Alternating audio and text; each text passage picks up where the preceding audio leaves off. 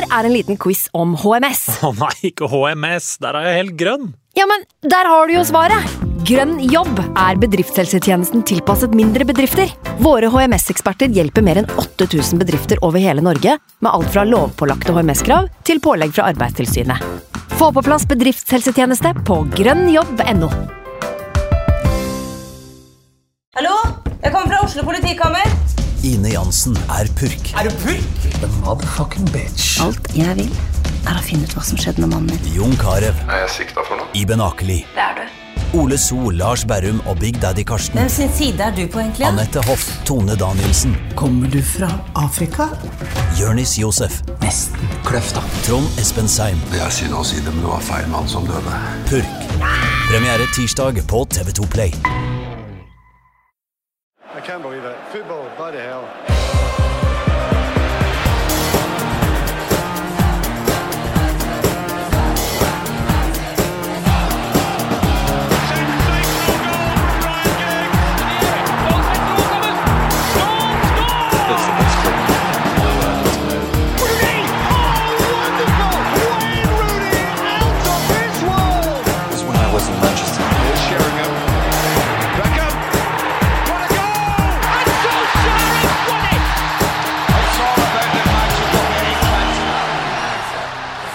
Hjertelig velkommen til del to av Olé Olés comeback. I dag har vi med oss Dagbladet og TV 2.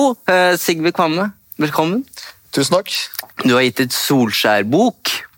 Det stemmer. Etter eh, PSG-bragden i mars så, så var det behov for å, for å fortelle et litt yngre publikum også at uh, Solskjær han var faktisk en stor spiller for United også, ikke bare en uh, mirakelmanager. Og så gikk jo til, til helvete etter det, da.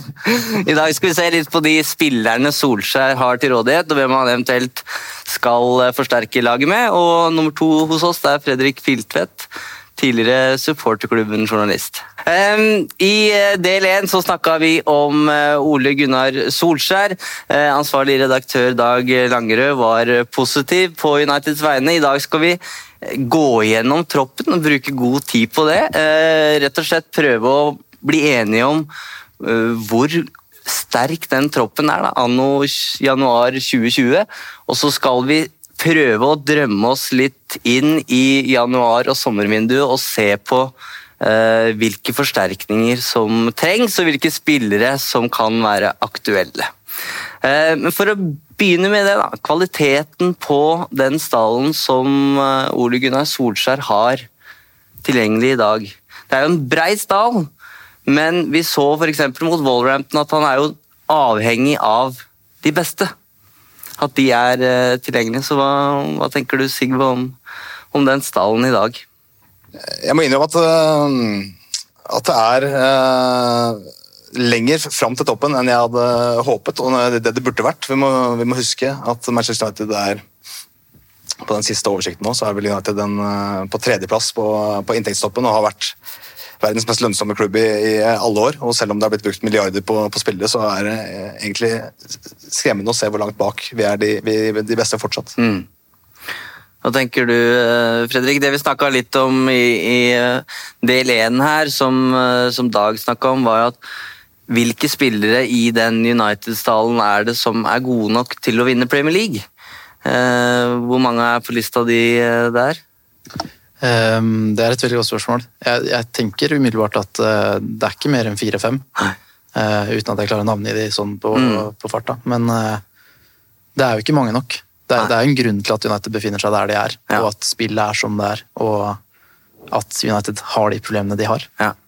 Det høres ut som jeg er enige om at det mangler noen brikker her. Så får vi se om de kommer i januar i form av Bruno Fernandes, eh, eller om eh, vi må vente til, til sommeren. Vi skal rett og slett gå gjennom eh, lagdel for lagdel, men før det, i prioritert rekkefølge, hvilke lagdeler er det som må forsterkes? Er midtbanen faktisk snakkes mest om, Sigve. Ja, eh, det er jeg egentlig helt eh, enig i. At eh, Sentral midtbane syns jeg eh, det haster å få inn noe, noe nytt. Høyrekant, eh, selv om Daniel James eh, har vært et friskpust, og egentlig mer enn man kan forvente av en som kommer fra, fra Swansea, så føler jeg ikke at han eh, egentlig er eh, god nok til å bekle den plassen for United liksom, som, en, som en fast spiller i laget. United vinner ikke Lia-gull med han som fast høyrekant. Tenker jeg. Nei, det tror jeg heller ikke. Eh, og så er jeg litt Selv om jeg er glad i Martial, så er jeg litt usikker på om han kommer til å ta det neste steget som han må ta eh, for at han skal være en god nok eh, nummer ni for United. Eh, så jeg, og det er jo åpenbart Solskjær også på jakt etter en, en nummer ni til. Eh, selv om ikke det er det som haster mest, så eh, er det også noe som trengs til sommeren, syns jeg. da. Vi begynner eh, bakerst, så kommer vi tilbake til Martial eh, etter hvert. Eh, der har jo United selvfølgelig David Igea, som er det åpenbare førstevalget, signert en ny kontrakt nå og har og har da en lengde til 2023. Tror vi han blir der hele perioden nå, eller kommer det til å dukke opp nye rykter her om Real Madrid og andre ting? Jeg tror det toget har gått for lenge siden, for DG sin del. Real Madrid-toget? Ja, det tror jeg. Jeg tenker ikke at han er så attraktiv som han en gang var, eh, og at eh, det egentlig er et problem. At det er ingen lederskikkelse. Eh, Han holder fortsatt god nok kvalitet, selv om vi ser at han har flere tabber, færre redninger. Eh, Han er ikke like god som han en gang var, Eh, men samtidig så eh, tenker jeg at den keepertypen der er litt en art som vi ikke trenger. Eh, han er ikke den sjefen som United savner. Det er ingen leder i det laget her, og det starter bakerst. At det er en manglende Det er ikke noe ledertype. Men mer en god nok keeper, absolutt. Så han er ikke noe svakt ledd, men uh... Det, det var jo bare for skyting, det var jo flere journalister som stussa på det at Digea ble lansert som en potensiell United-kaptein. og På et sånt eh, sponsorarrangement i Kina så, så stilte han opp som liksom, representant for Manchester United og klarte nesten ikke å svare på de spørsmåla han fikk, fordi han var så Om han var nervøs eller sjenert. Så han slå, han er ikke den Schmeichel-typen som står bak der og skriker og styrer og, og leder. Så det er han definitivt ikke. Uh, Altså, det, er jo, eh, det er ikke mange år siden uh, mange sa at DG er liksom uerstattelig. De ville ikke bytte DG Mm. mot noen spillere i verden. Altså, det var sånn, Vil du ha DG eller Bale? Nei, DG er liksom da Bale var på Ja, ja, ja, ja. Eh, og det, er han jo ikke lenger, selvfølgelig. Eh, jeg har eh, likevel en, soft spot for uh, Digea. Altså, vi skal ikke glemme for, en fantastisk spiller han har vært for United. I en tid hvor, hvor ting har rast og kollapsa rundt den, liksom, så har han vært eh, det, den ene vi kan stole på. Og selvfølgelig, han har hatt flere tabber i det siste, færre redninger og osv., men, men han har og Fotball er en brutal bransje. Det er ikke Ja. tid for sentimentalitet og nostalgi og sånn i fotball, egentlig. Men eh, det, det er Med Solskjær så er det litt. ja, kanskje. Men eh, jeg er i hvert fall eh, fortsatt veldig fornøyd med, med, med De Gea. Og jeg merker på meg sjøl at jeg, jeg har mer tålmodighet med han enn med veldig mange andre i den klubben der. Ja, altså er vel ikke United helt i en posisjon hvor de kan tillate seg å bytte ut noen av de beste brikkene og, og forsterke dem. Altså Digea er jo fortsatt en, en klassekeeper, så det å bruke kan du si, en overgang og tid og ressurser på å bytte ut keeper ville kanskje vært litt snodig. Men er han topp fem, eh, Fredrik, i verden akkurat nå? Ikke nominert til Ballon d'Or, flere foran der. topp fem akkurat nå, det tror jeg ikke. Men eh, hvis vi skal gå tilbake til at eh, hvilke spillere United har som kan være med i Premier League, så er Ja. han beviselig en av de. Ja. Eh, og det mener jeg at han fortsatt er. Men eh, Ja, David Gea er fortsatt verdensklasse, syns jeg, synes jeg. da. Så Han, han mangler litt på, på fotarbeidet. og Han er ikke, den, han er ikke noe Ederson liksom, på, på den biten der, men uh, han er fortsatt en keeper som uh, får spissene til å tenke en, en gang ekstra øh, når de kommer alene med, tror jeg. Og han Altså, de, de redningene David Gea har gjort, den Best of-videoen, den, øh, den kommer til å bli fryktelig lang på YouTube. Jeg tror vi spikrer Digea foreløpig. Vi prøver på en måte å se litt fram til august eh, 2020, tror jeg. Eh, At liksom det er, eh, selv om det er langt fram dit, så er, så er det det, det vi jobber oss fram mot. Eh, Så skal vi ikke bruke altfor mye tid på de andre keeperne. Eh, Sergio Romero er, eh, er, fyller 33 år i februar. og kanskje spilt sin rolle. Lee Grant, kontrakta går ut i sommer, og da er det jo Dean Henderson som kan komme inn uh, i, i neste sesong. Da. Bør han få muligheten til å utfordre Digia? Jeg syns det er jo veldig lite behov egentlig på den keeperplassen per nå, syns jeg. da. Sergio om hvor mange ganger han holdt null i år, egentlig? Han holder jo null hver gang han, han spiller. så eh, Folk snakker om, om, om at det er liksom verdens beste backup-keeper, så jeg, jeg vet ikke hvor stort behovet er for Henderson. men selvfølgelig, Det virker jo som et stort talent, eh, Henderson, så det er jo, ville vært synd å miste han. eh, Særlig når De Gea kanskje er på litt nedadgående. Eh, Romero også eh, Om ikke på nedadgående, så, så i hvert fall de, de har vel kanskje hatt sine aller beste dager, mens Henderson har sine beste dager foran seg. Og han, han også virker som en litt sånn eh, type, da, i, i mine øyne. Kanskje litt mer sånn type eh, enn De Gea. Jeg husker eh, eh, den kampen mot Liverpool hjemme, for eksempel, hvor han slapp inn et tabbemål. En forferdelig tabbe. Uh, han, altså han ble så saga av sin egen manager etter mm. kampen. Uh, det er sjelden du hører maken. liksom, at uh, Solskjær ville jo garantert uh, bygd opp keeperen sin i et lignende tilfelle, men han ble fullstendig bare maltraktert av sin egen manager. Og eh, den håndterte han strålende. Eh, og stått strålende siden. Jeg tror ikke han har gjort flere tabber heller. Så det virker som han har en sterk skalle, liksom, at han er litt, kanskje litt mer type, da, eh, som, eh, som, som er litt autoritet, og som eh, ikke er redd for å, for å ta litt plass på alle måter. Ja.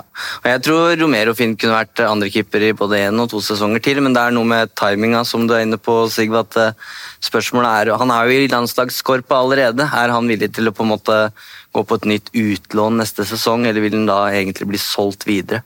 Det er det jeg er litt usikker på. da. Jeg tenker at den konkurransen, hvis Henderson kommer taket, er veldig veldig sunn. Da, for jeg Mm. tror han selv mener at den er god nok til å skulle ha førstekeeper i United. Mens rollene mellom De Gea og Romero nå er veldig avklart. Det er en soleklar førstekeeper en soleklar andrekeeper, som gjør at De Gea føler seg litt trygg. da. Men det kommer en liten unggutt som mener at eh, her er jeg, jeg er god nok, jeg skal ta plassen din. Så kan det være en veldig sårt etter, etterlengta konkurranse der. da. Vi går til eh, gutta som står foran eh, Digea. Forsvaret det ble forsterka med 1,3 milliarder eh, i sommer, men de slipper fortsatt eh, mål som aldri før.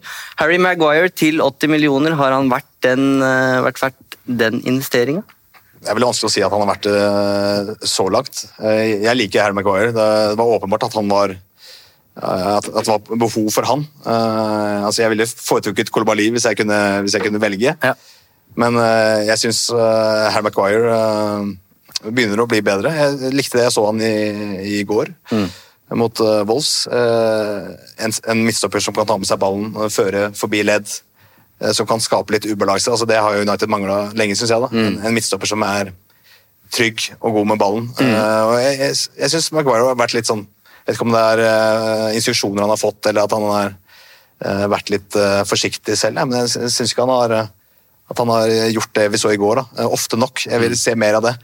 At, at Harry Maguire fører ballen forbi det første pressleddet. Mm. Det tror jeg kan gi United en litt ekstra dimensjon. da. Det har jo vært hovedproblemet også, at United greier ikke å bryte ned etablert forsvar. Ja. Det er en fin måte å hvert fall skaper skape litt ubalanse på. Det var det han var så god til i Leicester, som gjorde at jeg var så gira på Maguire da ryktene starta. Det at han brøyt relativt høyt i banen, tok med seg forbi ledd, og han var jo ofte på raid. Den spilleren har vi ikke sett i det hele tatt i United. Mm. Det er kvaliteter vi åpenbart savner. Og jeg syns det snakkes så mye om at eh, det er to gode ballspillere bak der. Jeg er litt usikker på hvor god Lindeløv egentlig er med ballen i beina. Jeg syns det er noe klumsete over hele, hele spillestilen når han skal føre ball og slå kula. Eh, Så der mener jeg at Maguire er vår åpenbart beste til akkurat det å spille fotball. Ja. Men de kvalitetene må han Han virker nesten litt sjenert på fotballen. Så, så er spørsmålet er det instruksjoner, eller er det at han er litt avventende og litt, eh, ikke blitt helt varm i trøya ennå? Mm. jeg husker fortsatt det raidet hans på Etiad i fjor, da eh, City måtte slå Leicester eh, for å ha overtak på Liverpool. Da.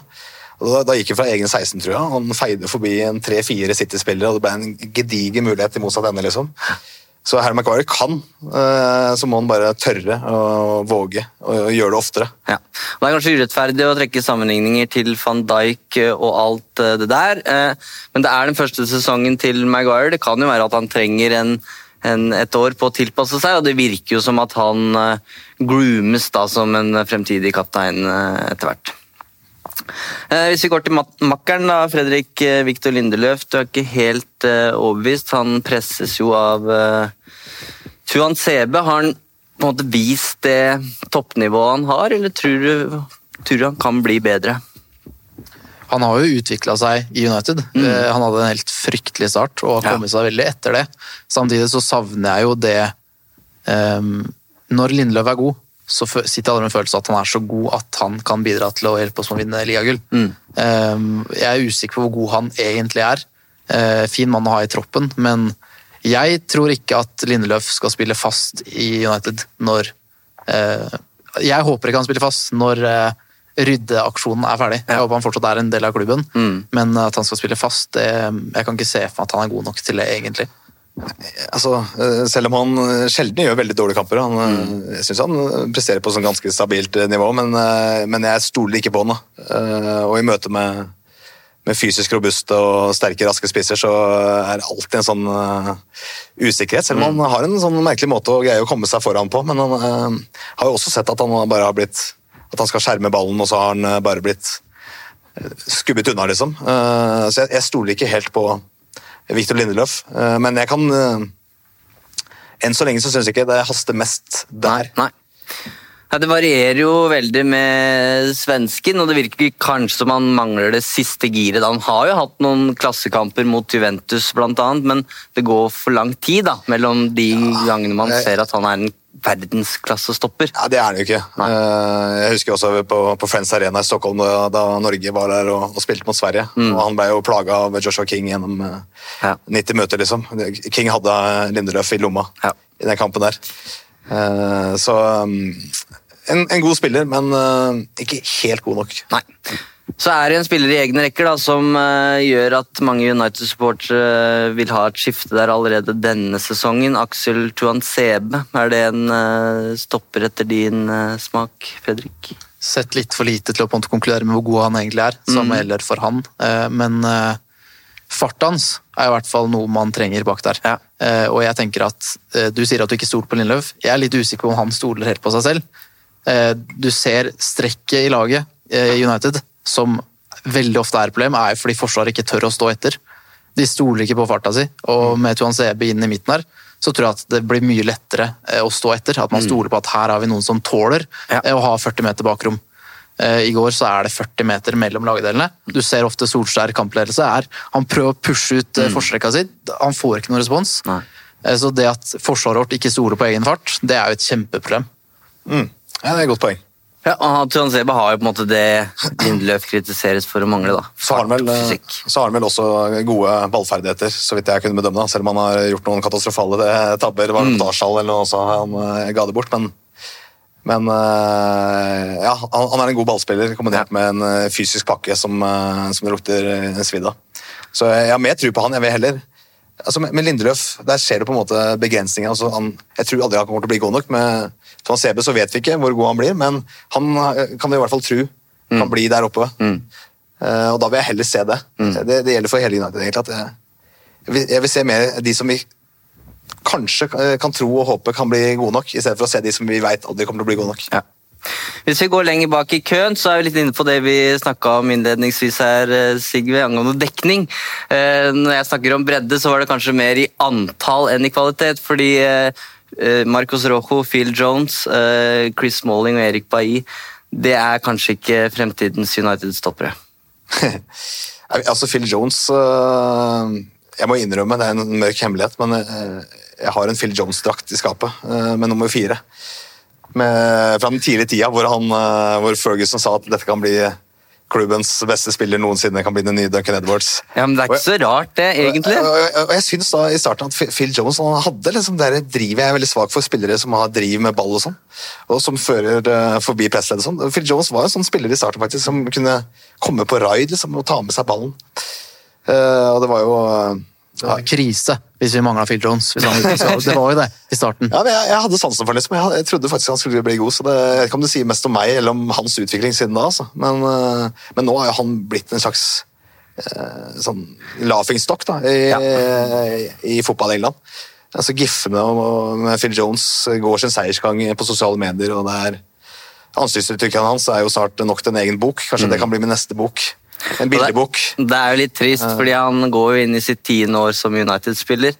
Uh, Ifølge rapportene, så da har han jo uh, krav på en testimonial, da, men det ville han ikke ha, for han uh, trodde ikke det var noen som kom til å komme og se på. Det er jo, det er det er, trist, jo, det er som du sier, Man ler mye av Phil Jones, han er jo en eh, litt rotete fyr som har uh, artig ansiktsuttrykk, men det er jo litt trist. Jeg hadde et intervju med Phil Jones eh, for eh, et år siden. og da snakka han egentlig veldig godt om hvor stolt han var over bare å ha beholdt plassen da, i Manchester United. At ja, alle forventa at han skulle bli den neste Rio Ferdinand, på en måte. Det ble han ikke, men han så på det som en kjempeutfordring bare å beholde plassen i Manchester United, og det har han jo faktisk klart. Men nå, nå er det vel kanskje over snart. Jeg syns det er en skikkelig trist greie. fordi Ja. som du sier da, eh, Det var ikke bare deg som tenkte at han her var det neste store. Det var absolutt alle. Snakka om at han skulle bli nye Englands kaptein. Og i den perioden her så var han så god. Eh, både som midtstopper og som sentral midtbanespiller. Eh, men nå har det gått så langt at måte, det er ingen lykkelig utvei for han i United uansett, tenker jeg. Eh, han blir latterliggjort. Eh, men jeg er egentlig ikke i tvil om at når han signerer for en ny klubb, eh, så kommer han til å gjøre det bra. For, for det er en god fotballspiller. Med fysiske forutsetninger så er det det med å holde seg skadefri. Da. Det er alltid det som uh... Men hvor, hvor tror du han ender? Eh, Han går kanskje til en annen Premier League-klubb, men på hvilket nivå? Nei, Han er mer enn god nok til å spille i Premier League. Ja. Nå er det lenge siden han har bevist det, da. men sånn i utgangspunktet en skadefri Phil Jones som er inne i rytmen. eh, god nok til å spille for eh, Leicester, nå er det, ja, Jeg skulle nevne Leicester. Ja. Det er ikke noe behov for noen midtstoppere der, men en sånn, en sånn type klubb, Everton-Leicester, så hadde han gjort det knallbra. Ja, John. Evans var jo litt det samme. Altså, alle, alle ville jo ha John Evans ut. Uh, men jeg, jeg vil ikke ha tilbake liksom Chris Smalling og det greiene der. Altså, det er, er ferdig. Jeg vil, jeg vil ha de gutta her ut, egentlig. Ja. Bailly mente jeg liksom senest i, i mars egentlig var Uniteds beste stopper, liksom, men jeg er gått litt lei der også. Han, han har en så vill spillestil at han kommer alltid til å skade seg sjøl, tror jeg. Eh, og selv om jeg, jeg har sansen for, for pakka hans også. Han uh, atletisk som få, liksom. Og også en, en habil ballspiller. og Han er den som jeg liksom hadde størst tiltro til kunne eksempel håndtere en sånn Mbappé-type. da. Eh, men uh, det er også at tålmodigheten min egentlig gått tom. Han, han er jo uh, nesten sånn suicidal i taklingene sine. altså han... han kan ikke gå inn på den måten der og forvente å ikke bli skada. Kom tilbake fra skade nå, vært ute et halvt år, og i første U23-kamp så, så var det et brassespark. Ja, det er, det er jo sånn, han blir jo en kulthelt, på en måte. Du må jo bli glad i den nesten også, men, men når kommer neste store skade? Liksom? Det, Den er sikkert like rundt hjørnet. Uh, De, de typene her, de lærer jo aldri. Nei. De gjør jo ikke det. jeg tror ikke det. Uh, men øh, når jeg snakker om Phil Jones også, han fikk vel ny kontrakt i februar? Ja, for eh, et år siden. Et- Ja, sant? Eh, Og du kan si at Det er prestasjon å være i United så lenge, men han burde ikke fått lov til å være der så lenge.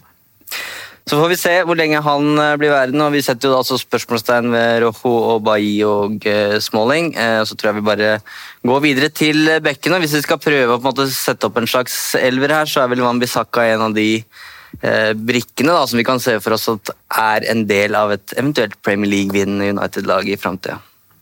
Eller? Ja, eller eh, Han har hatt en fin sesong, han. Ja. Og så er vi vel alle enige om at det er offensivt eh, Han mangler kvaliteter. Mm. Eh, og så er man litt sånn usikker på er det noe som kan utvikles. Ja, eh, han er ung.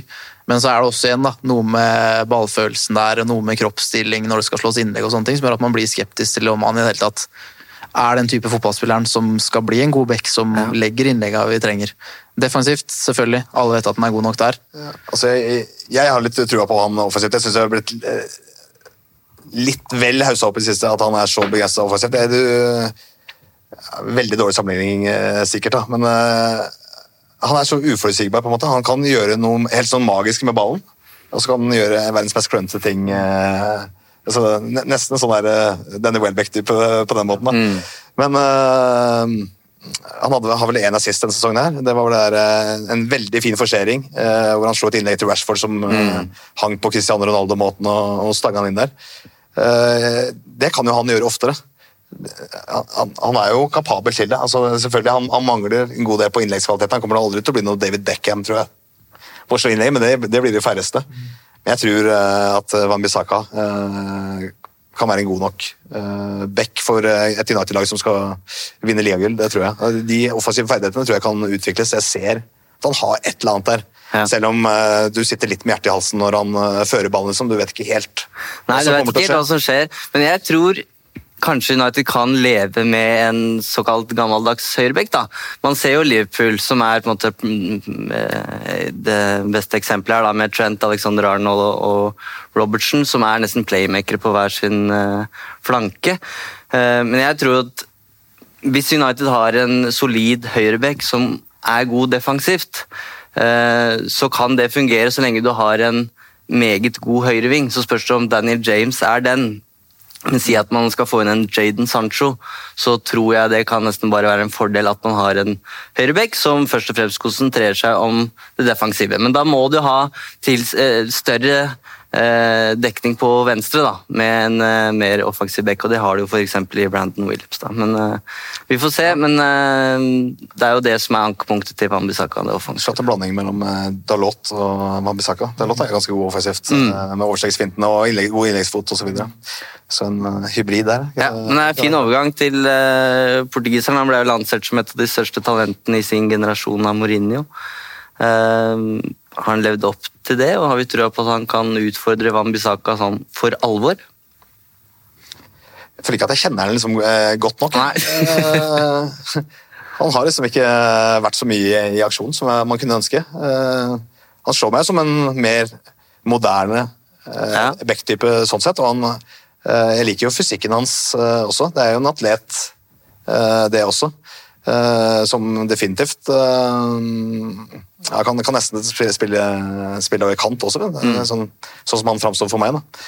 Jeg er mer usikker på hans eh, defensive kvaliteter, og sånn, men uh, i hvert fall offensivt så er det jo et eller annet spennende der. Uh, selv om han på ingen måte har, uh, har gitt oss grunn til å kjøpe Mourinhos eh, innsalg på den måten. Nei. Altså, som Sigrid sier, føler ikke at det har blitt ordentlig, ordentlig kjent med han. Eh, husker at han kom inn som et friskt pust, jeg tror det var på slutten av Mourinho sin eh, United-karriere. At han hadde noe voldsomme raid, kom gang på gang på den høyrebekken, altså opp på høyrekanten, og la en god innlegg og viste at han var en spennende eh, framoverretta backtype. Eh, og så får jeg litt følelsen av at dette er en tidligere høyrekant som aldri var god nok til å slå gjennom som høyrekant, og ble flytta lenger ned i banen. Hvor du da får brukt disse offensive kvalitetene. Ja. Eh, Ponte på en måte aldri, er, aldri var god nok offensivt til å bli brukt der, den flytta ned, og så er det det defensive det skorter på. Men uh, må, må, bli kvitt skadene sine da, og kunne få trent jevnlig. Uh, og så tenker jeg at det er sunn konkurranse, og kan uh, brukes litt ut fra hvilken motstander vi møter. Ja. Uh, at Wambisaka er ikke nødvendigvis svaret i hver eneste seriekamp. At man kan se an litt hvor mye rom blir det ute på kantene. Og blir det mye innlegg, så er det på en måte kanskje han som burde spille framfor Wambisaka. At, øh, toppkampene ser ut som Wambisaka Ja. er perfect match. Og så er det litt mer Norwich, Burnley-type, som kanskje Ja. kan være mer Da- Dalots øh, ja, foretrukne segment. Ikke sant. Eh, På motsatt bekk så eh, har vi en eh, 19-åring som kom helt ut av det blå. Var ikke med på sommerturneen engang. Eh, Og mot Liverpool nå så tror jeg de fleste United-supportere helst vil se at det er Brandon Williams som skal stoppe Salah. Absolutt. Mm. Ja, øh, jeg vet ikke om Luke Shaw om han blir klar i gang. Nei, Han sliter jo både med helsa og med en hamstring, visstnok. Uh, var jo ikke med mot Wolverhampton, så det tyder på at han ikke er klar. Så uh, Luke Shaw føler jeg har hatt uh, veldig godt tak på Mohammed Salah tidligere. da. Ja, Både han og Young har stoppa Salah. Mm. Eh, så, så Han var vel god mot Manchester City borte og sånn også, men uh, Brandon Williams har vært enorm altså, etter at han, uh, etter at han slo gjennom der. Jeg husker jeg tenkte mot Sheffield United liksom at, at det var litt for mye gutt mot mann da, Ja. med, med Brandon Williams. Men, men også i den kampen så leverte noen, Det var jo han som på en måte starta snuoperasjonen der. Og etter det så har han jo ikke sett seg tilbake, egentlig. Og han har jo litt sånn den edgen ved seg. At han, eh, han lar seg ikke eh, skremme av noen, virker det som. Han eh, virker utrolig uredd. Uansett om, om han kommer til å stå mot Mohammed Salah der på Anfield, så tror jeg ikke han kommer til å være preget av stundens alvor. Eh, det virker som et utrolig bra hue på fyren. Så gir han selvfølgelig United en uh, ny offensiv dimensjon. Da. Eh, og Luke Shaw, hva, hva gjelder han, så ble begeret mitt litt fylt opp der også, borte mot Arsenal eh, nå i, i romjula. Altså, Luke Shaw ga Arsenal en enorm overgang. Han mista ballen på midtbanen. Og liksom, han, han tass, tass, tasser tilbake. Eh, og han tar seg til med tida til å liksom, slå Torreira sånn på, på skuldra inn i en sånn vennskapelig klaps på vei opp. ja. Mens Arsenal liksom kommer i overtall omtrent. eh, der, og da tenkte jeg at den latsabben der, han fortjener ikke å, å spille. Rett og slett. Nei, han, han har fått mange sjanser og har på en måte fortjent det lenge også, syns jeg. Var uheldig med den alvorlige skaden og sånn, men man kan jo stille seg spørsmålet hvor mye bedre har Luke Shaw blitt siden 2014? Ingenting. Eh, Han har blitt, han har blitt dårligere. ja. Jeg hadde enorm tro på Luke Shaw også det- da han brakk beinet, før han brakk beinet. Mm. Han var kjempegod før beinbruddet i Eindhoven. Han var jo det. ja. Det, det også sier jo det meste om ståa i Manchester United når Luke Shaw ble kåra til, til sesongens spiller Ja. foran Lindeløf. Eh, Og DG har blitt kåra hvert år før det, omtrent. Eh, Nei, så, så Brendan Williams eh, han eh, virker jo på mirakuløst vis og har løst den eh, et problemområde for, eh, for United, selv om det er fortsatt veldig tidlig. Eh, Det kan, kan skje mye. Det kan ikke det kan ikke gå rett i himmels eh, hele veien, men han har jo alt man ser etter i en back, virker det som. Han har mm. et, et enormt uh, driv med ball, en enorm løpskapasitet og løpsvilje. Han kommer hele tida. Han virker, han virker smart liksom, i hvor, hvor han skal løpe. Uh, så det var noen som også som spurte om, om det var instruksjoner eller om det var uh, impulsivt uh, i, i den Norwich-kampen. Hvordan han liksom kom, kom inn i banen eh, og, og skaffa straffa blant blant annet på den måten der. Løp, ta løpet mellom stopper og bekk, Ja. eh, i stedet for å ligge på utsida. og- Ja. Så det er en kjempespennende type som står for alt det man ønsker oss, egentlig. Med ungt Ja, og mot. At han er modig. vi United trenger flere modige spillere. Folk som tar sjanser, tar risiko. Ja, Luke Shaw ble årets spiller i fjor, det var helt riktig, Sigve. Vi får se om det er Williams som får den uh, i år, det er jo ikke helt uh, Det usannsynlig. blir i hvert fall ikke Luke Shaw i år. Det, Nei, det vi kan uh, da skal det skje mye rart. Ashley Young han virker å være på vei til Inter. Fortjener også honnør for lang og tro tjeneste, akkurat som Phil Jones. Selv om det er mye kritikk i sosiale medier. Ufortjent mye, spør du meg. da. Ja. Du, du kan si hva du vil om fotballferdigheten hans, men det har aldri stått på innsats. Du kan aldri ta Ashley Young på at han står og koser med Arsenal-spillerne etter at han har mista ball. Eh, han har vært et sånn eh, vårt rasshøl. Eh, mislikte alle pga. litt filming og sånn, men har alltid trøkka til, alltid vært litt eh, fæl, som gjør at du knytter Jeg har i hvert fall pressa han litt nærmere mitt bryst, da. Mm. kanskje litt fordi jeg også mener at han har fått ufortjent mye. Selv om jeg aldri har ment at han har vært verdensklasse, eller noe som helst, så har han gjort nytta si i mange år. Eh, gjort, eh, alltid gjort sitt beste, men åpenbart begrensa som venstreback. Mm. Men jeg syns den har vært en fin, eh, fin spiller å ha i troppen. Og så er det kanskje at han har vært der så mange år, sier jo litt om at han har vært med på nedtur nå, da. Eh, Ja. Det er mange spillere som har vært der altfor lenge, som også har vært med og fått dette skuta til å synke sakte, men sikkert. Vi eh, nevner også Ethan Laird, som er et talentfull eh, høyrebekk. Jeg trenger ikke å snakke så veldig mye mer om det, men Digea signerte jo da ny kontrakt, og da var det mange United-supportere som gnei seg i hendene og tenkte nå har vi en femmer bak der som er bindet til klubben i mange år. Eh, Wan-Bissaka, Maguire, Lindeløf, Johan Sebe og eh, ja, nå og Williams. da. Eh, så hvis vi skal bare ta et eh, lite blikk da, på eventuelle forsterkninger før vi går til midtbanen, eh, har en liste her. Det er stort sett midtstoppere det snakkes om. da. Skrinjar, Kolibali, eh, Aldeverelt, Varane, Demiral, Umtiti. Eh, er det sånn at United må gjøre et nytt stopperkjøp i sommer? Et år etter at Maguire kom for 80 millioner, ellers kan man klare seg med Lindeløf og Tuan Sebe i en sesong til? Det må være en gradvis endring som skjer på vei tilbake til toppen. Mm. Så jeg mener at det er ikke der behovet er størst nå. Nei. Men på sikt så mener jeg at eh, en spiller må inn eh, ved siden av Maguire. Mm. og toget har gått for all hver held, mener jeg. Eh, Skriniar har aldri blitt overbevist av når jeg har sett den. Um, Umtiti har bevist at den er god nok, han. Men uh, Kolibali fremstår jo som det første og beste valget. Men eh, Blir snart 30 år, han også. Eh, det er nettopp det. Alderen er jo et eh, Ja. Men ja, jeg ville elska å ha han i United sånn som er eh, nå. Og han er også ja, så, eh, så Napoli på Anfield, liksom. eh, Åssen han eh, smadra van Dijk på noen dødballer og sånn der. Det, det tror jeg ikke det er mange andre som gjør. Altså. Nei. Så er det også at det er et veldig ungt United-lag, så 29 år inn der er jo fint nå. Så, er det så håper man at han kan ha toppnivå til nær er 33-34. Da får du mange gode år. Men det er jo ikke et typisk United-kjøp når det kommer til alder. Det er det absolutt ikke. Eh, Da går vi videre til eh, midtbanen, der eh, vi er jo i januarvinduet. Det har ikke vært noe særlig United-rykter eh, å snakke om. Bruno Fernandes, jeg tror vi begynner med han. Alexander Grimsmo han lurer på hvor god han egentlig er. Spiller jo da i Sporting Lisboa, skårer mål hver eneste uke. Målgivende pasninger i fleng. Men så er det da den spørsmålstegnet, da. Den portugisiske ligaen, hvor god er egentlig den? Hva tenker dere om eh, Bruno Fernandes?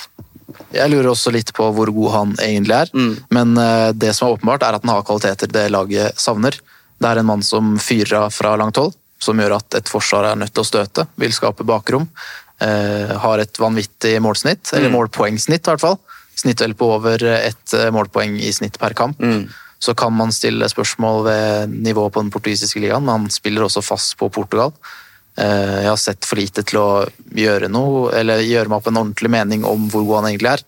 Men når man ser på hvilken spillertype han er og hva han leverer, så tenker jeg at det er i hvert fall en oppgradering fra det vi har. Og at eh, det er en veldig fin, et veldig fint sted å starte. Ja, og Hvis det er snakk om eh, å ikke hente noen i januar, eller hente Bruno Fernandes, så er det ikke noe å lure på engang. Så vi trenger desperat forsterkninger.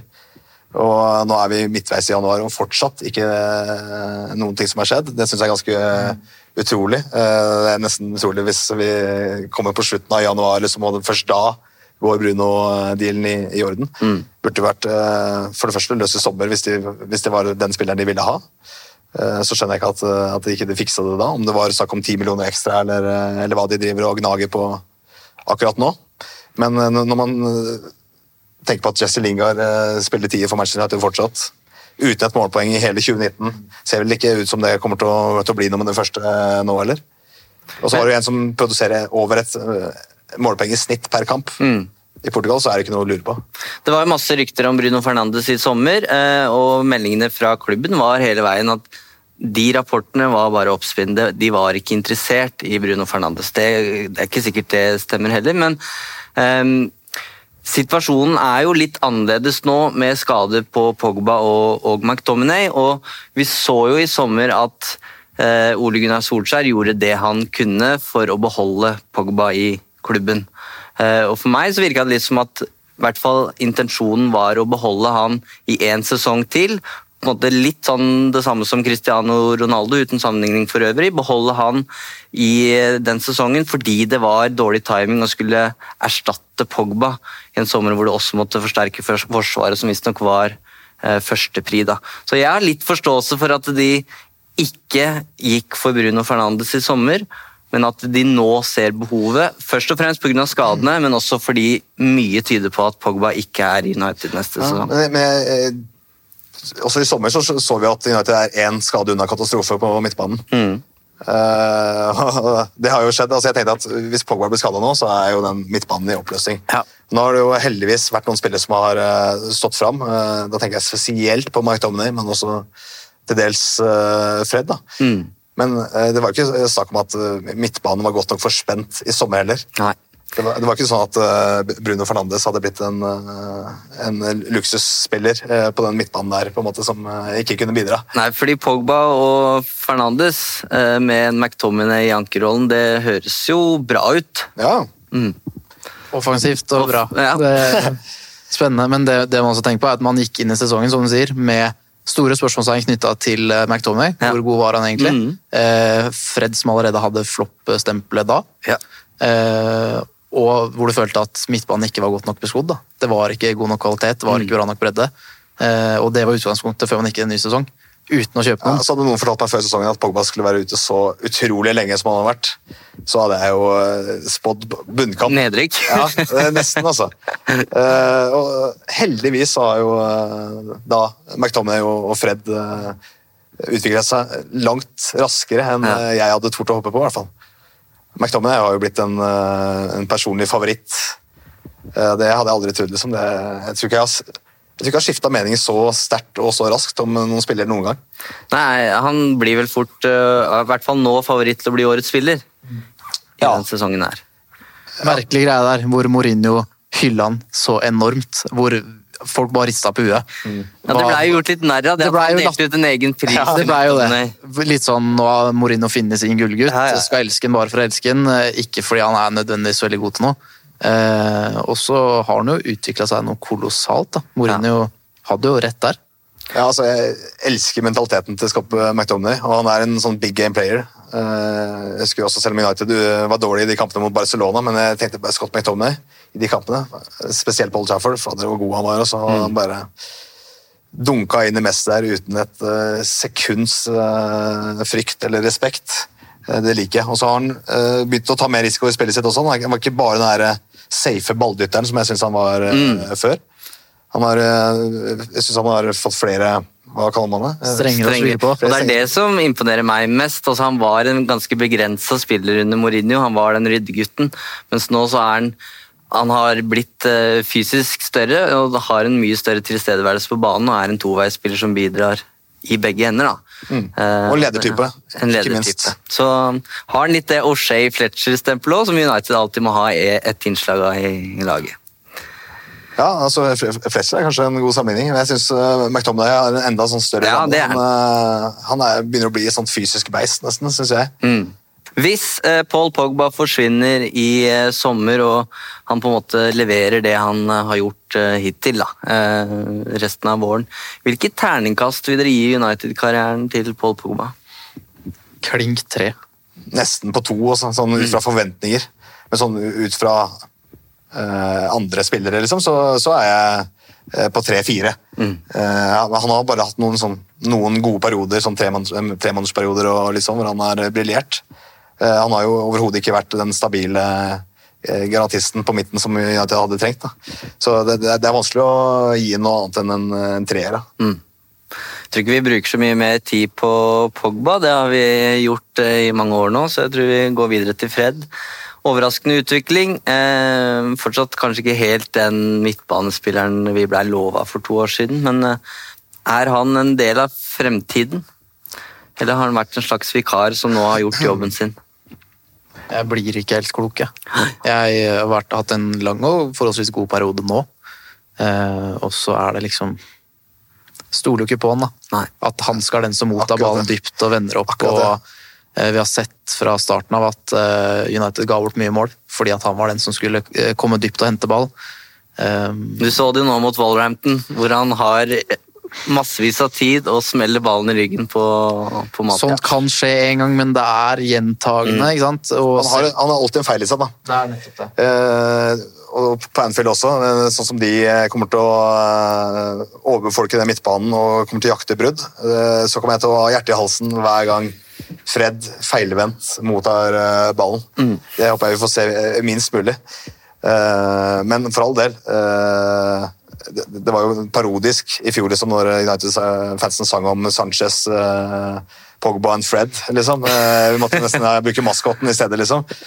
Så, så han har jo absolutt blitt veldig mye bedre. Det skulle nesten bare mangle også. Han har jo fått veldig mye tillit, eh, dels pga. at Solskjær ikke har hatt annet valg da, enn å bruke den og la han spille seg eh, varmere. Jeg husker Det som skremte meg mest da ryktene begynte, var at jeg skulle se disse, den, en skrytevideoen på, på YouTube uten å bli imponert. For jeg følte at eh, måla og mållinja hadde var rene tilfeldigheter. Hvor han Ja. egentlig lobba, veldig ofte lobba ballen opp i lufta i bakrommet mellom forsvar og keeper. Og så er det litt tilfeldig om den går helt inn, eller om det er noen som rekker å få en topp on. Mm. Eh, Jeg husker debuten hans mot Leicester. Da tenkte jeg at dette er en spiller jeg har savna United. Med intensitet, pass and move. Eh, Men så er han for rotete, og så er det at vi, vi kan ikke stole på han. Og spillere i den rollen der må kunne stoles på. Men eh, hvis vi er enige om at det må inn noen eh, brikker her på midten Bruno Fernandes er jo den det snakkes om nå i januar. Er han deres foretrukne midtbanespiller, eller er det Grealish, Madison, Rice Vidal snakkes det om igjen. Det går ikke. Det toget må ha gått over vel. Eh, Med Vidal. Ja. Det, det kan vi ikke ha nå. Nei da, men det er eh, Grealish og Madison, for eksempel. Da vil, de, vil dere heller hatt eh, de istedenfor for Mad nei, Fernandes? Eh, hvis jeg skulle eh, valgt altså, Man snakker jo, Det er blitt en klisjé med sånn proven Premier League quality Ja. og så videre, da. Men Jack, Jack Grealish har jo i hvert fall sett nok til å eh, kunne danne seg et klarere bilde enn med Bruno Fernandes. Så hvis jeg skulle valgt mellom de to, så ville jeg kanskje hatt Grealish. Mm. Jeg liker eh, Grealish veldig godt, eh, både som fotballspiller og som type. Han også slår meg som en, som en totalt fryktløs spiller. Mangler ikke på selvtilliten der. Nei, nei. Uh, er det ja, noe United skriker etter, så er det som jeg sikkert har gjentatt for, for å gjenta meg selv igjen. Ja, ja. Men, men folk som tar risiko med, med ballen, som gjør noe uventa, som uh, får deg til å utbryte et lite gisp fra, fra sofaen. United har nesten ikke noen sånne spillere. Nei. Hvor, ofte er det du blir overraska når du ser United spille over at Oi, jøss, gjorde han det? Så det er nesten aldri. Grealish har det ved seg, Ja. føler jeg. Jeg liker også Madison veldig godt. Jeg gjør det. Jeg er veldig svak for han, og måten han utfordrer på, drar på seg to mann, eh, skaper ubalanse i motstanderlaget. Eh, veldig, veldig mange kvaliteter som United også trenger. Eh, nå mener jeg at behovet er så akutt eh, og stort at man må ta det man kan få. Eh, Grealish og Madison er helt sikkert utilgjengelig nå i januar, og da blir løsningen sannsynligvis eh, Fernandes. Eh, han kan vel også spille i en toer på midten. Eh, Madison og Grealish trives vel litt høyere enn det. Ja. Eh, Fernandes er sikkert tiltenkt en mer offensiv rolle nå i starten, men jeg tenker at det ene utelukker ikke nødvendigvis det andre. Eh, Men hvis man skal tenke en ren offensiv forsterkning, så er det jo rart om Fernandes og Madison eller Grealish skulle komme i på et senere tidspunkt. Kan ikke se for meg at det er plass til begge sånn, egentlig. Nei. Eller to av de typene. De har jo to fellesnevnere, Madison og Grealish, sikkert flere, men de er United-supportere, og de blir svindyre. Ja. Men er det Altså, bare hvis, å hvis Aston rykker ned, så blir det jo eh, stiller seg kanskje litt annerledes. Ja. Jeg vet ikke. Uh, og nå er det jo helt uaktuelt. Villa kommer jo aldri til å Du kan tenke det. Åssen uh, supporterne hadde reagert på det. Når Ja. du eh, kjemper for, med nebb og klør for å klare det, og så selger Grealish, liksom. Da, Mm. Da hadde det blitt demonstrasjonstog uh, utafor Villa Park, tror jeg. Mm. Altså, det er mulig at det er mange som hever på øyebrynene nå også. Eh, men som når det gjelder tilgjengelighet og en, for en ganske billig penge, da. Altså, Sander Berge ville styrka den United-midtbanen nå, føler jeg. Han ville vært en oppgra klar oppgradering på Nemanja Matic. Og jeg har faktisk mulig at jeg eh, ser det med norske bilder nå, men, men jeg, jeg syns allerede han i en alder av 21 er eh, en så moden spiller, som bare kommer til å bli bedre. Som igjen har den der eh, voldsomme fysikken. Altså Hurtighetstesten i Genk så er Sander Berge den, den raskeste spilleren. Og han, har, han er en, eh, han er nesten 1,95 høy. Utrolig smidig mobil til å være så stor. Han har en egen evne til å liksom dra seg forbi spillere, passere ledd. Så når han tør å gjøre det, så er det en nytelse å se på. Og jeg syns han har blitt mye flinkere i det siste til å ta risiko i spillet sitt og slippe seg litt mer løs offensivt. Eh, Så jeg vil ikke nølt liksom Han er jo tilgjengelig. Han er Ja. for grabs. Det er nesten rart at han ikke er blitt solgt allerede fra, fra Genk. Da.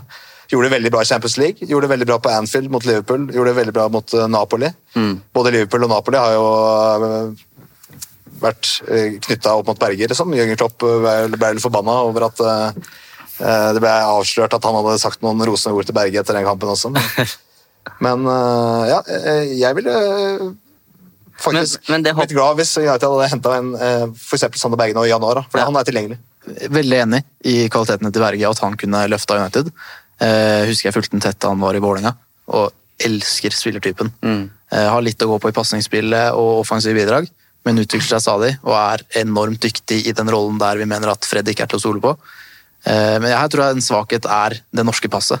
At Solskjær han skal være beviselig god nok da, før Solskjær begynner å hente nordmenn, tror jeg. At han har lært litt fra tiden i Cardiff. At det er litt skummelt å hente disse jeg, jeg tenker han, at det kan være en han, han var ikke Jimmy Solbakken som agent, da. Nei, så, men eh, jeg tenker at det kan være en litt sånn en ting som velter en potensiell overgang. Da. Jeg er litt redd for det. At eh, med et annet pass... Ja, det, altså, det virker ikke så som jeg er interessert i det hele tatt. Det, det, Men uh, Liverpool-supporter? Sander Berge? Eh, han var i hvert fall veldig svak for, uh, for Liverpool, men Solskjær også var jo Liverpool-supporter. var vel medlem i Ja. supportklubben da han spilte sitt første, første Manchester United. Nå er du medlem hos oss! Ikke sant? Eh, Det er jo mange andre navn på lista her. Emre Can, Christian Eriksen, eh, Sean Longstaff, eh, van de Beek, Kroos, Rakitic. eh, Men det er Bruno Fernandes, Jack Grealish og James Madison som er de heteste kandidaten akkurat nå, i hvert fall. Vi går til eh, angrepet, og vi kan jo begynne med kanskje den eh, brikken som har vært den viktigste denne sesongen her, Marcus Rashford. Eh, allerede slått sin egen målrekord. Jeg syns Rashford har blitt veldig mye bedre utover i sesongen nå. Jeg syns ikke han åpna spesielt bra. Jeg syns egentlig han var en litt sånn skuffelse i starten på sesongen. Men Men toppnivået til Marcus Rashford eh, har blitt skyhøyt, mm. syns jeg. Eh, den hjemmekampen mot Liverpool den kommer jeg ikke til å glemme med det første. Det er sånn vi ønsker å se Marcus Rashford. Sånn besluttsom, direkte. Det er da jeg liker ham best. Ikke når han skal begynne med masse fiksfakseri og litt sånn jåleri. Jeg elsker når Rashford er direkte og løper mot folk. Mm. og når han er i det moduset som han var f.eks. mot Liverpool. da.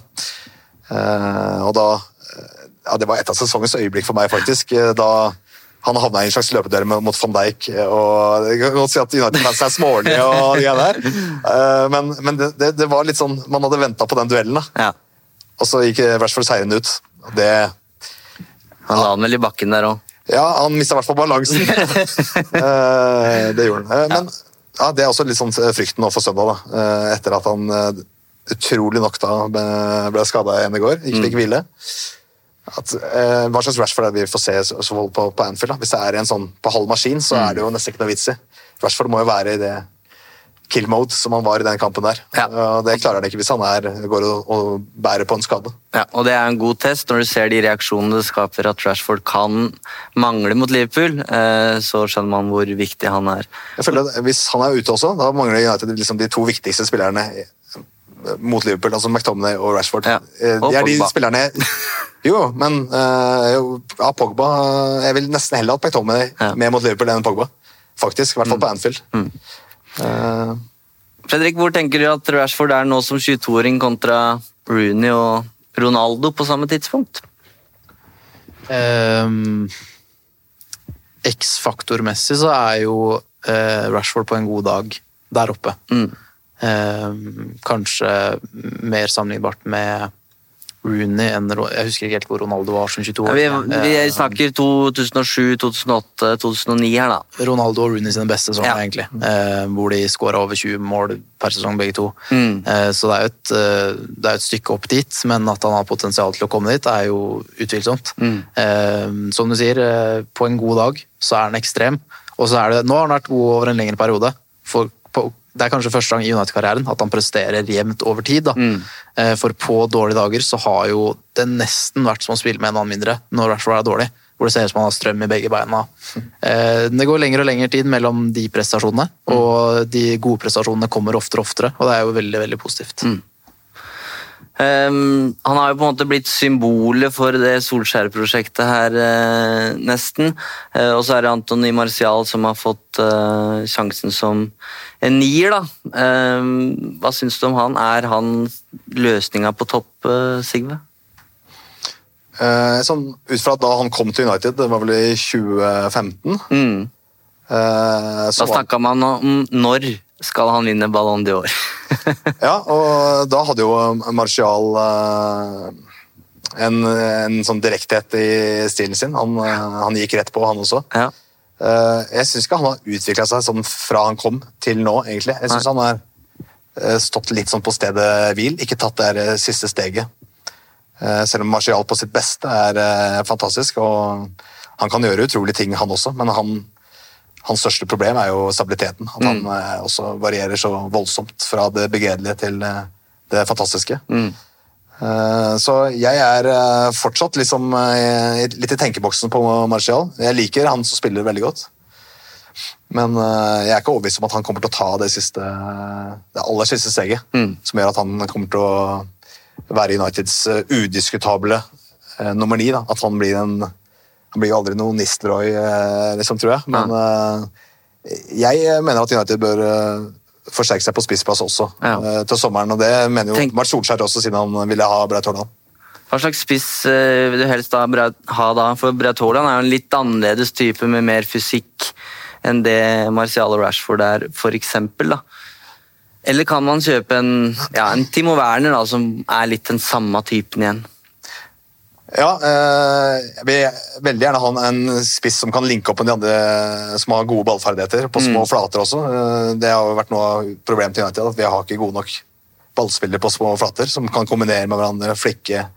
Du ser bare Mata kommer inn, liksom, hvilken forskjell det gjør når han faktisk er i form. Da. Sånn, eh, på, Ja. på ro med ballen og Kanskje derfor de ville ha Dybala?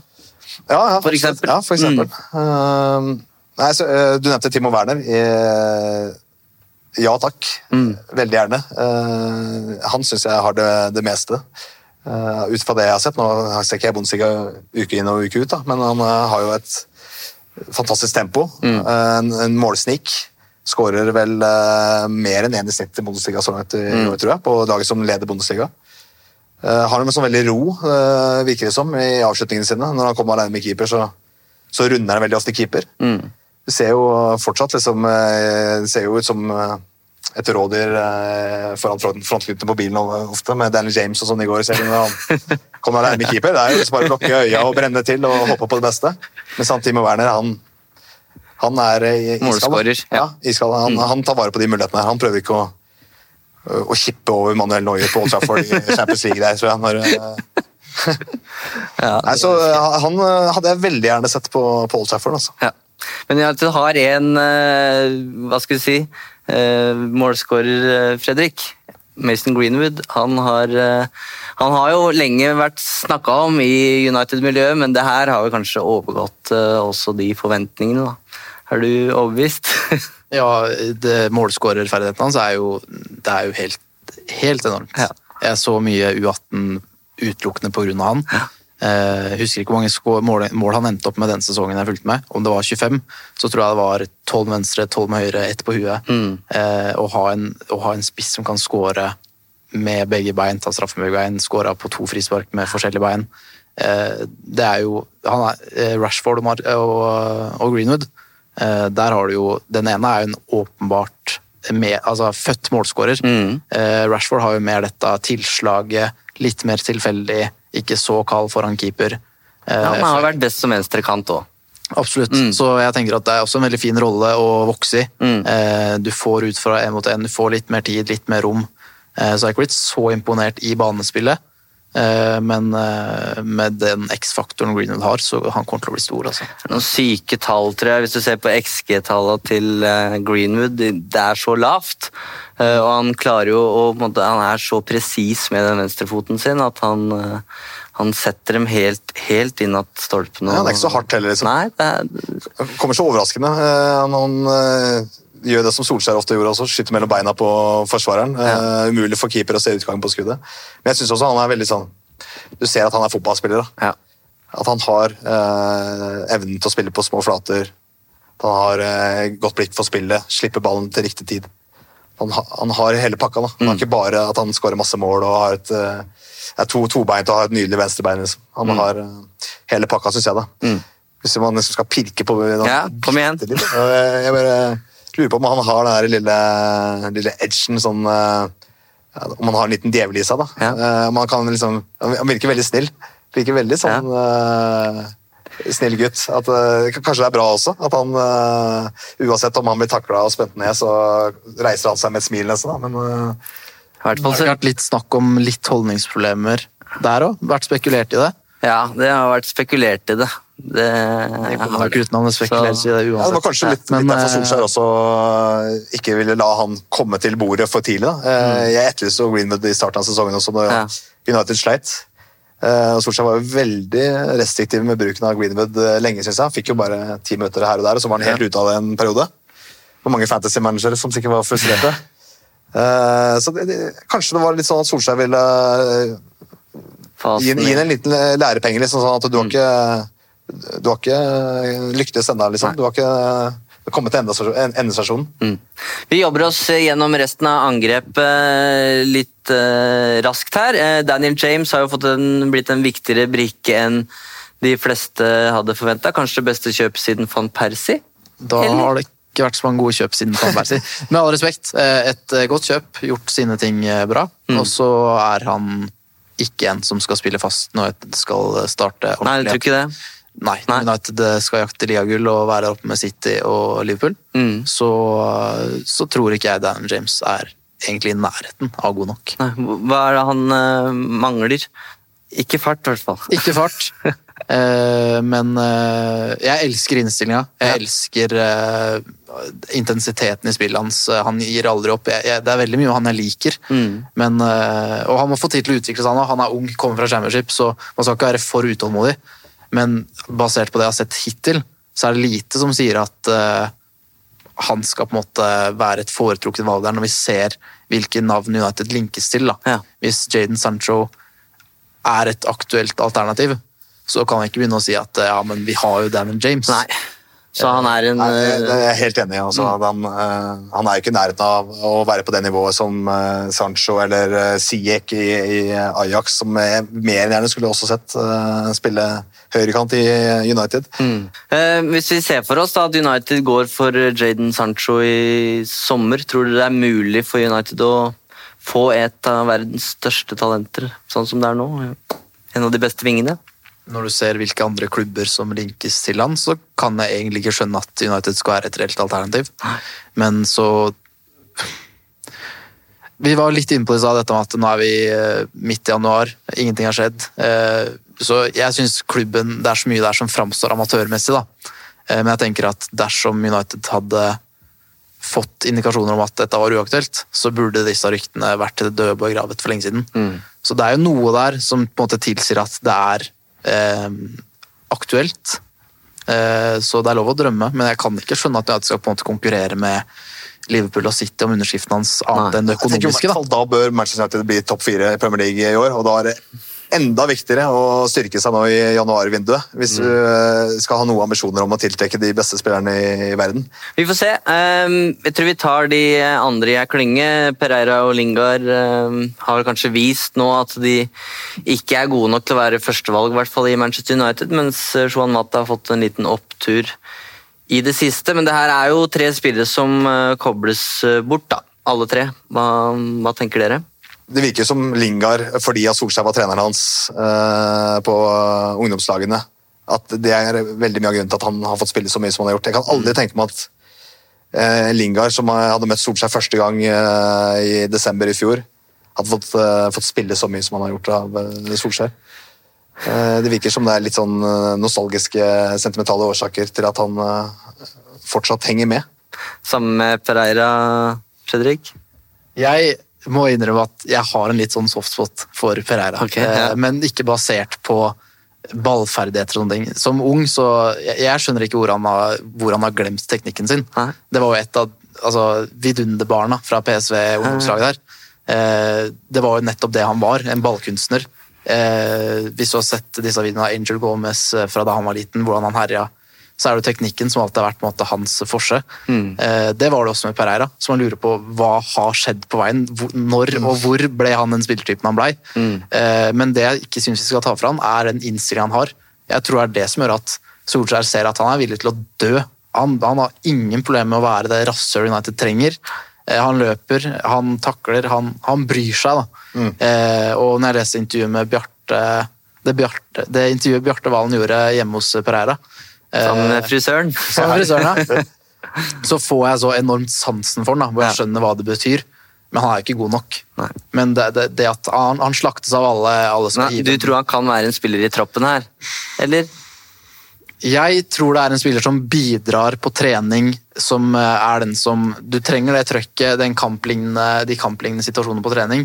Eh, og der tror jeg han kan bidra, men en som skal spille i Premier League og Champions League på sikt Men du trenger de spillerne òg. Som, eh, som eh, Du kan ikke bare ha startspillere. Nei. Du kan ikke bare hente folk som, eh, som forventer å starte hver kamp. Du må ha de som aksepterer å sitte på benken og, og ha en squad player-funksjon. For meg så virker det som Parera er villig til å spille den rollen også. Mm. Så jeg er enig med Filtvedt. Jeg også hadde, særlig før, et softspot for Parera. Mm. Venta alltid på at han skulle eksplodere. Fulgte han litt sånn i Granada og Ja. og fulgte med i Valencia, liksom. Og uh, av og til fikk du se sånn, noen praktmål, liksom, eller noe flott teknisk han gjorde, så jeg hadde egentlig eh, høyere forhåpninger til han enn det det har blitt til. da.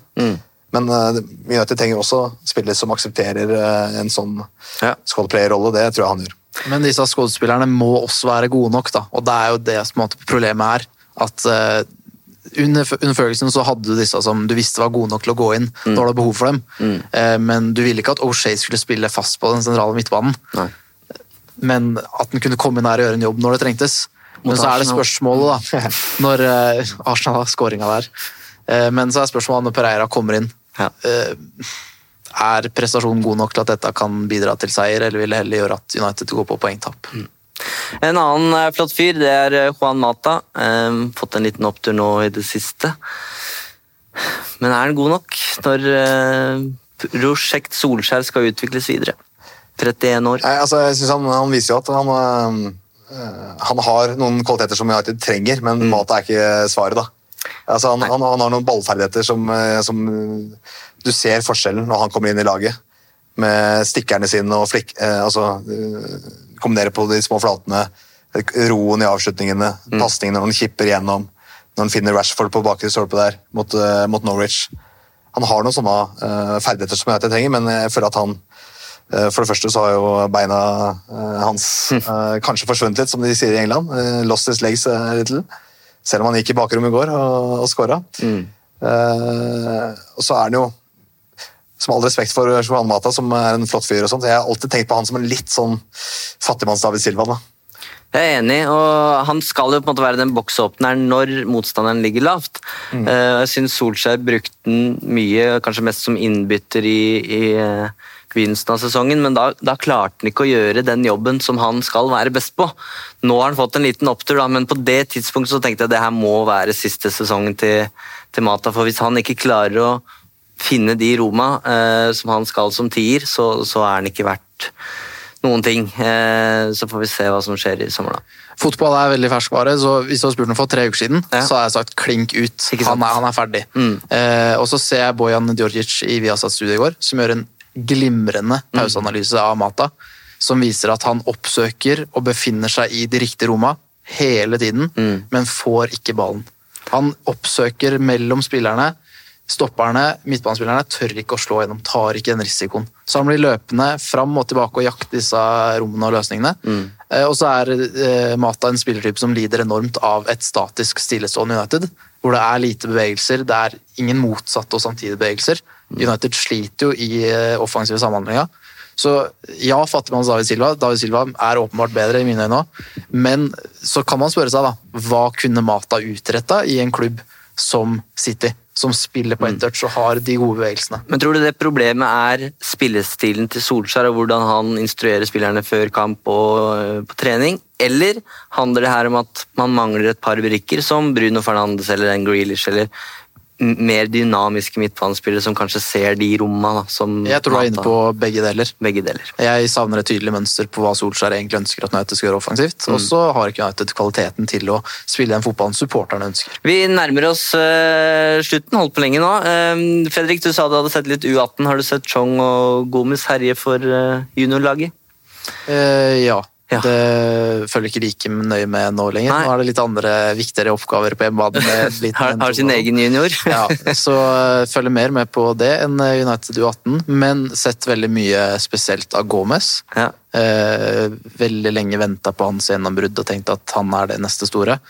Eh, blir mer og mer skeptisk til det òg. Derfor er du overrasket over at verken Chong eller Gomez har klart å overføre Greenwood har jo bare fortsatt ikke sant? Eh, og gjør det han eh, gjør på juniornivå, mens det har jo ikke Chong og Gomez klart. Er du overrasket over det? Ikke så veldig. Eh, Chong også vært tidvis veldig god på U18-reservelaget, men en rotete spiller, etter min smak. Mm. Du ser skrytevideoene hvor han har disse raida sine, eh, men når du ser 90 minutter, så er det 9 av 10 hvor han, han prøver det hver gang. da. Han prøver på det samme hver gang. Eh, Så min utålmodighet har på en måte ja, Beger har vært fylt ganske lenge. Eh, tror ikke han blir det store. Åpenbart en god spiller, men jeg tror ikke han har noe stor framtid på, på Old Trafford. Gomez så fikk han vel debuten sin for United for ganske mange år siden, og var ikke det under Han kom inn mot Palace for Rooney, så det var et symbolsk Da van Gaal var der, var det ikke det? Mourinho. Det var Mourinho, ok. Men det begynner å bli en del år siden. Eh, er ikke så ung lenger heller. Eh, har veldig mange fine kvaliteter, men en skadehistorikk er aldri frisk lenge av gangen. Eh, og det gjør han ingen tjenester. Jeg har mye mer tro på uh, Gomez enn jeg har tro på Chong. Uh, Chong sliter jeg helt ærlig med å se Han har blitt 20 år, sånn plutselig. Jeg jeg sliter med å se hva han har, da. Eh, som Fredrik sier, han, han utfordrer hver gang og mm. mislykkes oftere enn han lykkes. Eh, så han eh, Ingen tårer herfra hvis han eh, forsvinner til, eh, Juventus er vel blitt Ja. rykta mest. Ja, De er på utgående kontrakt eh, begge to og kan forsvinne, men det er rart hvor fort det endrer seg. De var som de store akademistjernene som eh, skulle være fremtiden, og nå tror jeg ikke det er så mange United-supportere som er misfornøyd hvis de skulle forsvinne, for nå er det Greenwood det snakkes om. Jeg håper, eh, jeg håper Gomez får eh, ny kontrakt og får Ja. fortsette. For jeg, jeg har veldig sansen, men jeg er litt usikker på hvor god han kan bli. Og det er dette med å gripe sjansen når du får de, da. Den siste spilleren vi skal snakke om, det er en eh, glemt eh, stjerne. Robert uh, Grønli lurer på om Alexis Sanchez kan komme inn og gi United et eh, løft. Er på lån i Inter, fikk en god start på sesongen der før han skada seg. Har nå gjort comeback. Han representerer en eh, tid eh, som bare gir vonde minner, nesten. da. Det. Å føre han tilbake på Old Trafford, liksom, det, det, det ødelegger litt av den feel good-faktoren nesten, som Solskjær prøver å bygge opp, eh, spør du meg. da. Eh, Det kan godt hende at Sanchez er en flott fyr, og at han ikke er noe eh, kreftsvulst i garderoben på noen, på noen måte, men det virka litt som det var noe av det Solskjær også ønska å gjøre i sommer, ved å kvitte seg med Lukaku og kanskje med Sanchez også, at han ville ha en frisk start mm. i garderoben også, med folk som åpenbart er sultne, og som vil være i United av de riktige grunnene. Ja. Og um, Sanchez er vel, uten at man skal tillegge han motiver, men jeg tviler på at han er den som, som brenner mest for å spille for United. Vi skal runde av. Eh, tusen takk for grundige analyser, eh, karer. Men før vi avslutter eh, Hvis vi tenker nå fram til august 2020, hva hvis dere, Nå hadde- gjorde United tre signeringer i sommer. Hvis de skal gjøre tre signeringer nå neste, neste vindu, eh, hvilke tre er det dere håper på? Hva vil være et godt utgangspunkt da, for 2020-2021-sesongen, Fredrik? Hvis vi tenker at Fernandes kommer nå i januar, eh, så mener jeg at eh, neste steg da naturlig er forsvar og angrep. Mm. Eh, Da vil nok drømmen vært Kolibali inn som midtstopper og Sancho på høyre. Ja. Jeg tror det er de mest prekære behovene. Mm.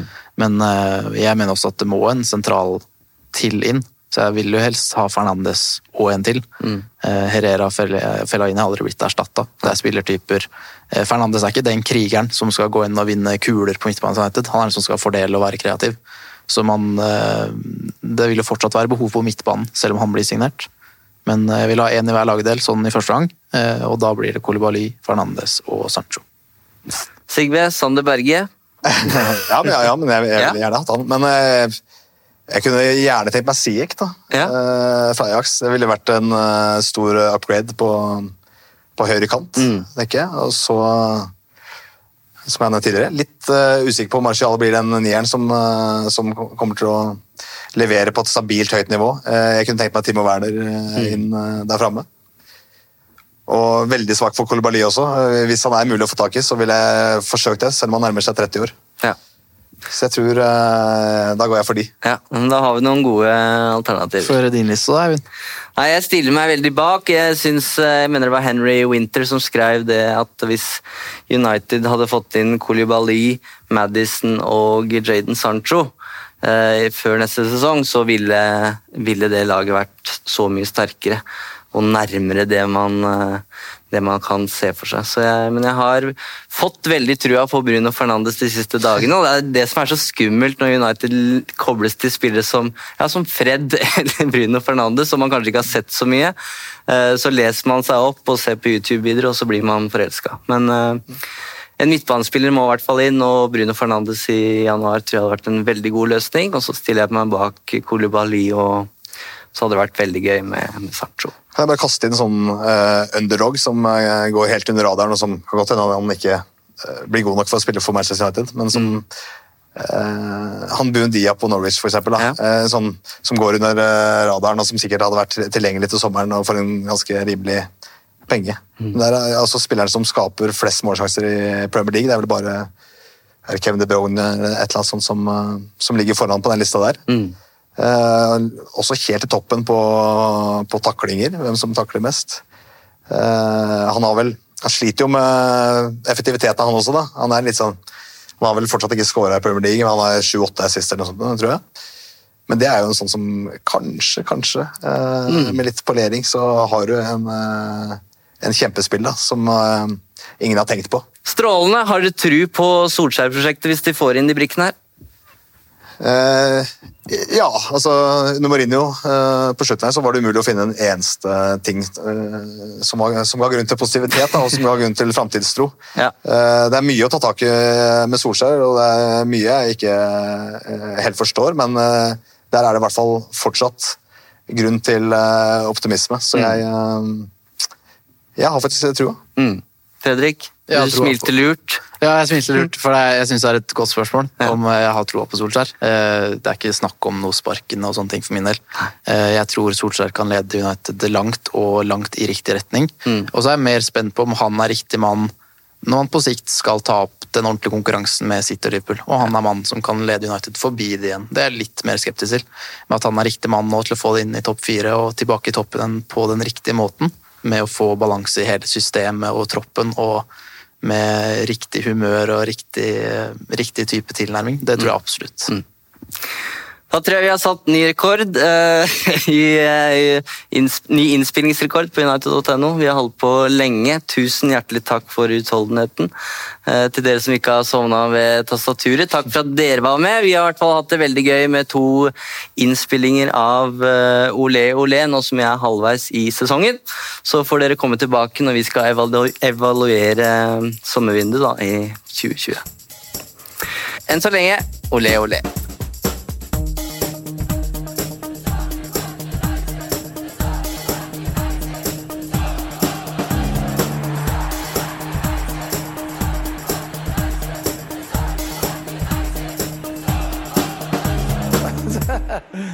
True. I've seen many things. Moderne media.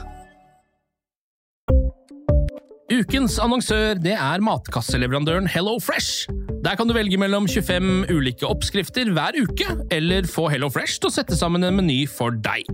Jeg sparer tid på å handle, oppskriftene er veldig enkle å lage, og så får jeg akkurat det jeg trenger da, til hver eneste rett, så jeg slipper å kaste så mye mat som jeg vanligvis gjør. Det er også litt deilig å faktisk slippe å gå på butikken, ikke bare fordi det er tidkrevende, og sånn, men fordi man ender opp med å kjøpe så mye greier som man egentlig ikke trenger, sånn som fire poser eh, Smash og en kick med havsalt, eksempel. Det er ikke det du egentlig er der for, du er der for å kjøpe, kjøpe middag. Så det er en veldig eh, kjekk ting. I tillegg så er det jo eh, ferdigporsjonerte ingredienser, det blir mindre matsvinn, og du betaler bare for det du faktisk trenger, og det du faktisk da spiser. I tillegg så blir det da levert på døra eh, til et eh, fastsatt tidspunkt, sånn at du kan få det akkurat når det passer for deg eh, sjæl. Hvis HelloFresh høres ut som noe for deg, så har jeg en rabattkode du kan bruke også. Gå inn på hellofresh.no og bruk koden HelloUnited24. HelloUnited i ett ord, også 24, og få opptil 1779 kroner i rabatt på de fem første matkassene dine hvis du ikke har prøvd HelloFresh ennå. Du kan også bruke koden hvis du tidligere har vært kunde, men har stoppa abonnementet ditt for tolv måneder siden eller mer. Det er ingen bindingstid, og du kan pause eller avslutte abonnementet ditt akkurat når du selv måtte ønske. Husk koden HelloUnited24, og bon appétit! Ukens annonsør er Folio, en smartere banktjeneste for deg som har en egen bedrift eller ønsker å starte for deg selv. Folio er en superenkel nettbank for bedrifter. Som kunde i Folio får du en bedriftskonto med et bedriftskort og app. I denne appen er det smarte løsninger som forenkler regnskapet ditt, uansett om du har en liten bedrift eller et enkeltpersonsforetak. Folio er både intuitivt og brukervennlig, og er laget med et enkelt språk. I tillegg tilbyr de forutsigbare priser og ingen skjulte gebyrer. Skulle du likevel trenge det, så kan du snakke med deres raske og hyggelige kundeservice, og der får du prate med en faktisk person og ikke en chatbot. Folio er med andre ord både enklere og koseligere enn banken. Over 10 000 bedrifter har allerede valgt Folio som sin banktjeneste, så besøk folio.no og se hvordan Folio kan forenkle din hverdag også.